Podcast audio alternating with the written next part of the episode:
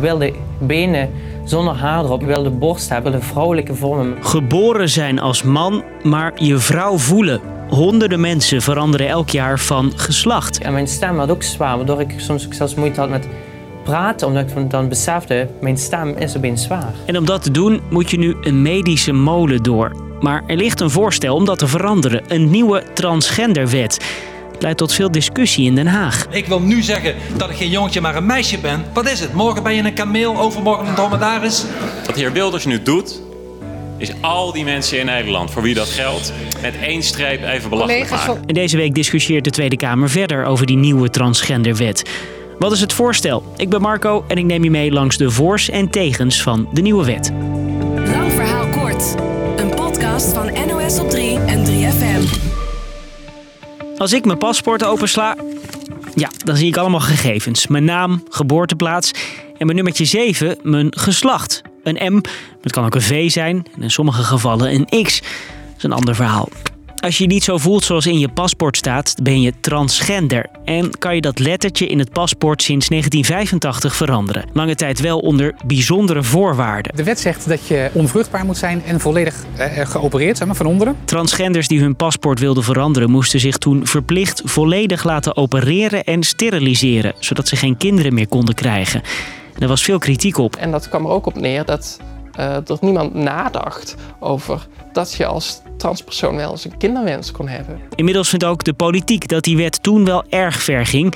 En dus zei toenmalig emancipatieminister van Engelshoven vorig jaar... Vandaag maak ik hiervoor dan ook publiekelijk namens het voltallige kabinet onze diep gemeende excuses. Sinds 2014 is er een nieuwe wet met nieuwe voorwaarden. Wil je je paspoort wijzigen, dan moet je nu eerst langs een psycholoog of arts. Zo. En die moet beoordelen of je wel echt transgender bent. Ja, ik heb begrepen, jij bent vandaag hier naartoe gekomen om de wettelijke transitie te gaan uh, doen. Per jaar doen tussen de 6 en 700 mensen dat. Je kunt dus je geslacht in je paspoort veranderen. Maar alsnog is het een lange zit, merkte Matthew. Het heeft ongeveer nou ja, 3,5 tot 4 jaar geduurd voordat ik mijn nieuwe paspoort in handen had met de correcte gegevens. Daarom is er nu een nieuw wetsvoorstel waarin dat gesprek met die deskundige niet meer nodig is. Daar is deze arts voor. Ik denk dat dat recht doet aan de zelfbeschikking van transgender personen. In het voorstel kan je naar de gemeente voor de wijziging en na een bedenktijd van een paar weken krijg je dan een nieuw paspoort met die andere letter.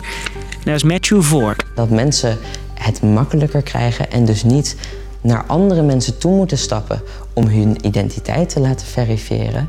Dat is bijna niet in woorden uit te drukken hoe belangrijk dat is. En wat in het voorstel ook verandert, de leeftijdsgrens. Ook als je jonger dan 16 bent kan het, maar dan moet je wel eerst via de rechter. Eden is 14, non-binair en blij met de nieuwe wet. Ik zie het eigenlijk gewoon als iets heel positiefs. Want ik denk dat het vooral heel veel mensen gaat helpen. Maar niet iedereen is voor de nieuwe transgenderwet. Volgens tegenstanders is het een soort hype. Uit Amerikaans onderzoek zou blijken dat vier op de vijf kinderen die problemen met hun geslacht hebben, er overheen groeien. Maar Matthew, die al als kind worstelde, spreekt dat tegen. Die was dolgraag blij geweest met zijn geslacht. Geloof me, als ik de keuze had gehad om gewoon een cisman te zijn, was ik nooit trans geweest. Daar kies je niet voor om je daar mee tot een groep te vergelijken als dat niet hoeft. Tussen 2012 en 2016 bleken maar een paar mensen de geslachtsverandering in hun paspoort weer terug te draaien. Daarnaast maken sommige feministen zich zorgen over de veiligheid van vrouwen. Ze zeggen als je als man je geslacht verandert, kan je bijvoorbeeld een vrouwentoilet in. Als die wet wordt aangenomen, dan kan iedereen die dat wil met een simpele pennenstreek vrouw worden. En dan kan dus ook iedereen die dat wil toegang krijgen tot domeinen die voor vrouwen zijn bedoeld. Maar die domeinen zijn niet voor niets voor vrouwen bedoeld. Daarvoor verwijzen zij naar voorbeelden uit het buitenland, waar bijvoorbeeld een transvrouw in een vrouwengevangenis kwam en vrouwen verkrachtte. A transgender prisoner sexually attacked inmates in a female jail.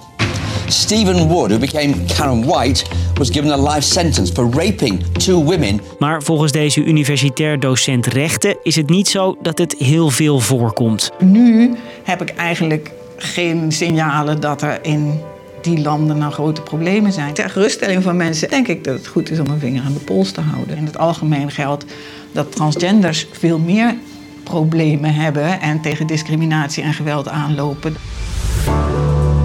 Dus, lang verhaal kort. In de nieuwe transgenderwet is het voorstel om het makkelijker te maken om het geslacht in je paspoort te veranderen. Je hoeft niet meer langs een deskundige. Voorstanders zeggen dat het transgenders gaat helpen. Tegenstanders zijn bang voor een aanzuigende werking en voor de veiligheid van vrouwen. En dat was er meer. Thanks voor het luisteren.